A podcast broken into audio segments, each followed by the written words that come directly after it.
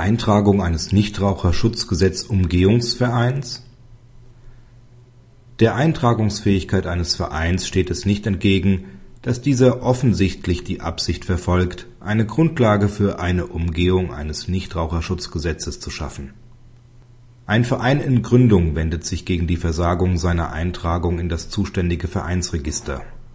Nach der in der Gründungsversammlung verabschiedeten Satzung verfolgt der Verein den Zweck, die Rauchkultur durch genussbezogenen Tabakkonsum zu fördern, wobei der Satzungszweck durch regelmäßige Vereinssitzungen in den Vereinsräumen sowie weitere Veranstaltungen verwirklicht werden soll. Das Registergericht hat nach Einholung einer Stellungnahme des Amts für Ordnung und Recht die beantragte Vereinsanmeldung zurückgewiesen.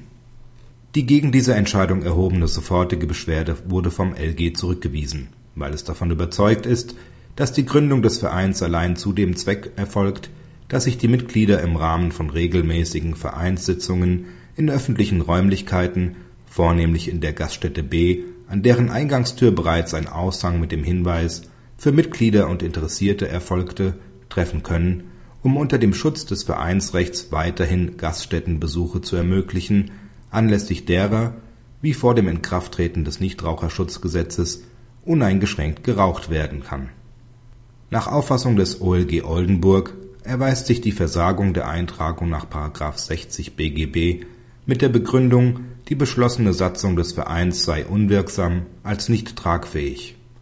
Den Mitgliedern des Vereins steht es im Rahmen der Vereinsautonomie grundsätzlich frei, zu welchem Zweck sie sich zusammenschließen. Grenzen sind insoweit nur die bestehenden Gesetze, die guten Sitten und der Grundsatz von Treu und Glauben Insoweit ist der in der Satzung niedergelegte Vereinszweck nicht zu beanstanden.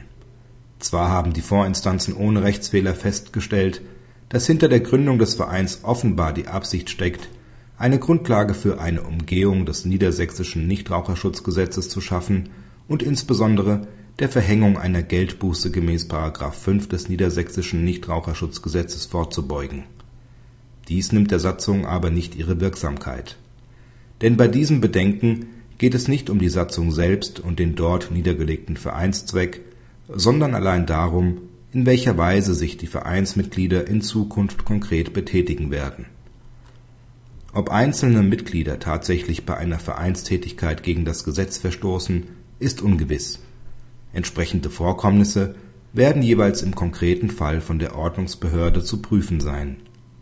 Ein präventives Vorgehen ist mit den Mitteln des Vereinsrechts dagegen nicht statthaft wenn, wie hier, die Satzung selbst keines der oben angesprochenen rechtlichen Hindernisse aufwirft